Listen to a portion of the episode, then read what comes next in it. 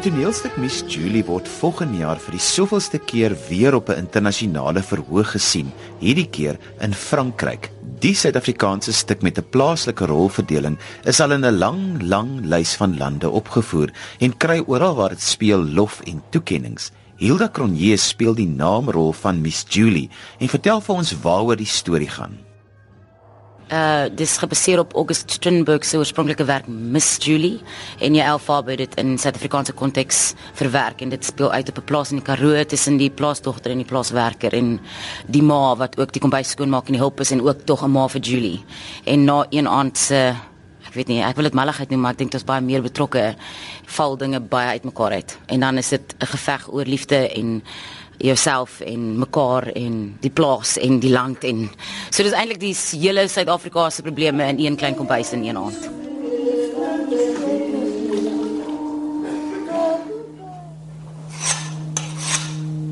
Come sit. Ah, Meneer doesn't like it. It's my table too and I say sit. Ja, andizokwazi uyenza loo nto. And if I order you Do it.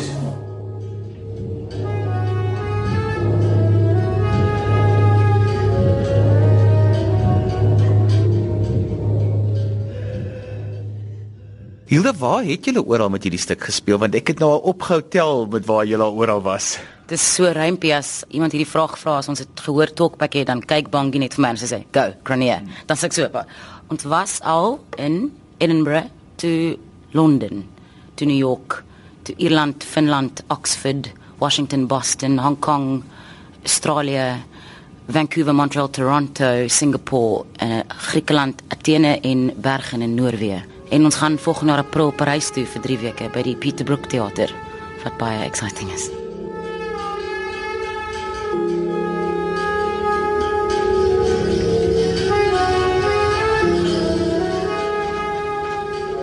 Ja, ek spaar lief vir Julie en ek dink ek sal meer sielkundige sien moet gaan as ek haar nie gehad het as 'n mens waar ek uiting kan vind nie. Sy's elke dag challenge en dit ek dink om 'n stuk soveel keer oor en oor en oor te speel, moet jy in elke deel van jouself ook ingaan as 'n mens en alles wat jy leer of ondervind kom ook net elke aand weer te voorskyn as jy in alle plekke van jouself moet indelf. So sy's sy's 'n huge uitdaging maar ek's baie lief vir haar. Hoe het die mense van die ooste dit weer ervaar versus die Amerikaners? Die ding wat vir my die meeste uitstaan oor die wêreld is ons dink ons probleme is uniek en ons en ons dink as Suid-Afrikaners omdat ons in so betrokke is in wat in ons land gebeur en ons fight is so regtig dat dit is net ons eie maar in 'n manier besit ons dit meer as enige ander land. Hulle praat nie noodwendig oor hulle rasisme nie. Hulle praat nie noodwendig oor die verskille van die twee groepe wat saamkom nie. Hulle hulle dis asof alles net onder die groot kombers van politically correct geplaas is. Waar in Suid-Afrika is dit feeste uit elke dag. Jy weet waar jy staan met mense en dis 'n unieke energie wat in ander lande is hulle dankbaar vir wat ons gebring het. Is uh, die Chinese was oor like oorweldig deur die deur die deur die power van die werk en gehoop dat hulle mense ook sulke goed kan maak en daai stories kan vertel want dit bestaan. Wat is demokrasie in in Hong Kong? Ehm um, Noorwe wat die veiligste, pragtigste, skoonste land is waar ek ooit was, het ook gevind dat net die diepte van dit en ook nou met ehm um, al die migrants en immigrants, dis 'n huge probleem oor die hele wêreld en dis dieselfde temas wat ons in Australië aanraak. Het mense regtig die storie verstaan of dink jy dat dit hulle dit heeltyd uit hulle konteks het hulle probeer moeite doen om dit uit 'n Suid-Afrikaanse konteks te verstaan? Ek dink een probleem van dit is dat dit dit laat die Suid-Afrika nog steeds so absoluut brutaal lyk. Like. En en daai dit is nie asof dit die realiteit van Suid-Afrika nog steeds is nie. Baie van dit is 'n heightened experience om teater waar te maak en ek dink in daai manier het dit gaan hulle om hoor Suid-Afrika is so erg en dan is dit eintlik nie so erg nie. Maar ek dink hulle het hulle probeer te verstaan. Ek dink die temas in die werk, die liefde, die die haat, die gedeelde landeienskappe, dit dit raak almal persoonlik aan. Ek dink dit is 'n deel waarmee iemand elke persoon of verhoog in die audience kan ooreenstem mee. Die brutaliteit van die stuk, want dit het wat speel maar met 'n brutale tema. Hoe het byvoorbeeld 'n land waar daar soveel vrede is en wat hulle nie geweld eintlik regtig mee gekonfronteer word, dit ervaar? Wel ons sou 'n 6 weke China toer gedoen het, maar hulle het gesê ons moet die storie omtrent heeltemal verander. Ons kan nie um brutaal wees in mekaar nie. Ons kan nie die Bybel neergooi op die vloer nie. So ons moes omtrent die hele stuk verander want hulle wou dit nie aanvaar het nie. En in baie lande was dit nie eintlik die grootste probleem nie. Die brutaliteit daarvan was nie die eindpunt nie. Ek dink dit het op 'n manier gemaak dat mense meer empatie vir een en die ander persoon voel want jou emosie vlak gaan heeltyd soos golwe en dan sê jy liever die een dan haat jy die ander en dan soos die stryd ontvou word jy maar net meegevoer met dit. Resensente, hulle is gewoonlik mos half jou polsslag van ja. van 'n uh, eh, teater in in daardie spesifieke land. Um, hoe was jou resensies? In Noorwe was interessant want hulle was baie meer geïnteresseerd in die politieke ondertema wat ons nog nooit reg iewers anders aanvaar het nie. Hulle het dadelik die eerste dag toe ons aankom 'n uh, joernalis gehad wat in Suid-Afrika ingaan, Markana die hele ding. So dit hang net net af waar hulle vandaan kom as joernaliste. Maar hulle was almal baie ek dink meer positief oor teater wat nog steeds so sterk kan wees en so kragtig. Ek dink dit mense sukkel om drama te maak wat wat regtig so baie mense aanspreek. En ek dink in daai konsep het hulle meer gevoel geraak met die storie en wat ons doen op die verhoog elke aand. Die Amerikaners lei mos aan ontkenning op die ergste vlak. Hierdie stuk moes tog vir hulle bietjie net sekere goed op hulle in hulle bewussyn gesit het. Uh ja, ehm um, jy weet partykeer as ons in Suid-Afrika klaar gespeel het of toe ons hier klaar gespeel het was as 'n doodste stilte as die show verby is en in Amerika en 'n paar teaters het dieselfde ding gebeur. Toe ons in Washington gespeel het was dit vreemd omdat dit jy weet die political capital is was daar baie min wat ons met die uh, gehoor gemeng het na die tyd want ek dink hulle het so hulle was so geïmpak deur die werk dat hulle net geloop het. Want wat sê jy? Want jy moet jouself in die spieël kyk want tog dis wat ons doen ons hou 'n spieël op vir die audience en Ek dink nie hulle kon dit sien nie. Ek dink nie hulle wou in hulle eie oë kyk na dit nie. Want dit beteken dat hulle moet vra antwoord. En as jy nou kyk wat in Amerika aangaan met die rasisme, it's it's it's happening.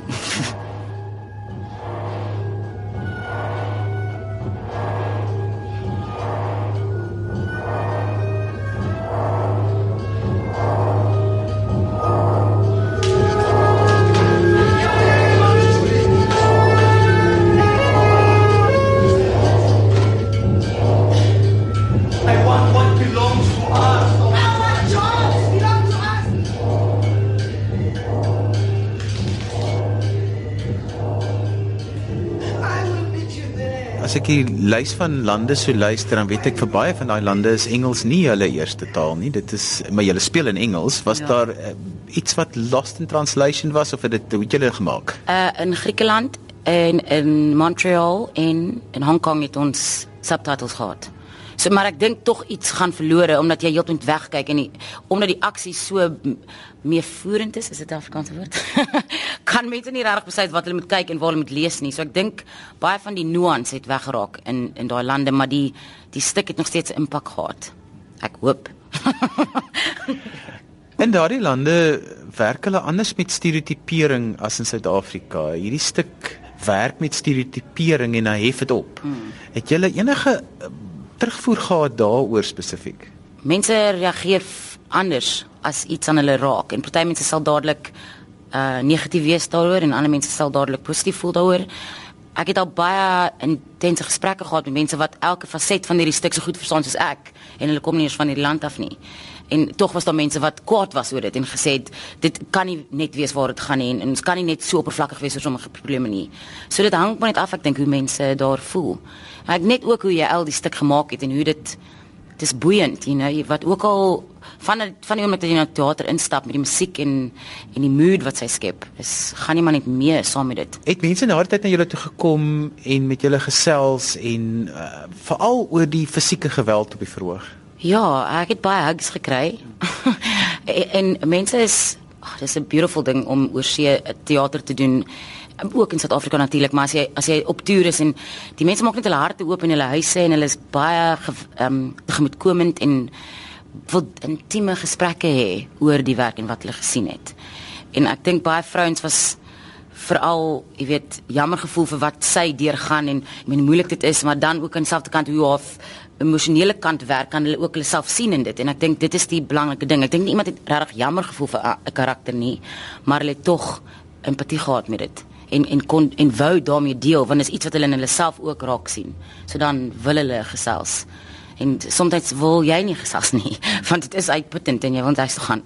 Maar mens leer maar, dis jy navigate daai lyn. Die proses wat jy elke aand deurgaan en dit wat jy elke aand met in die stuk deurgaan, moet 'n uitmergelende proses wees. En as jy maar nog in 'n ander land moet gaan speel, hoe dit hoe jy dit ervaar met hierdie stuk want jy kom nou so lank aan met hom. In die begin was ek gung ho. As mens in 'n land aankom, as ek in my kamer is, dan s'ek uit in die strate in en ek verken en ek vol energie en is die beste ding ooit. En soos dit aangaan, het jy omtrent 'n week nodig nou net om net om aan te kom en net rustig te wees en dan tot in die teater te gaan, net te voel waar die energie is en waar jou energie sit.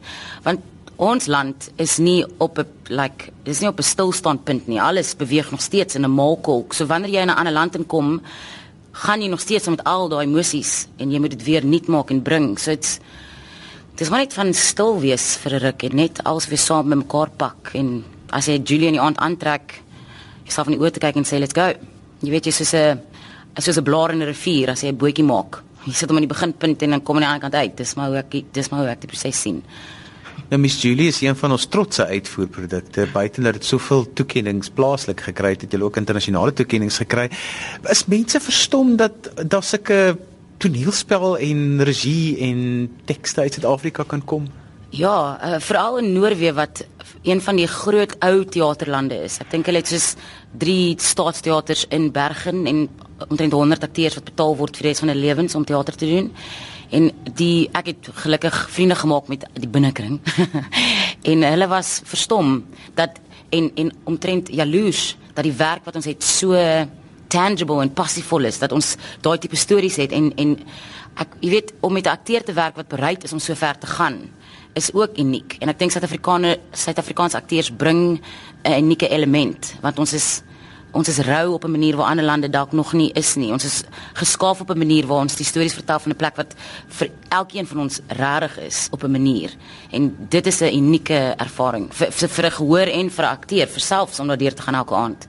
Dis dis iets wat jy offer en ek weet nie hoe baie akteurs nog dit offer nie, want dit kos alles.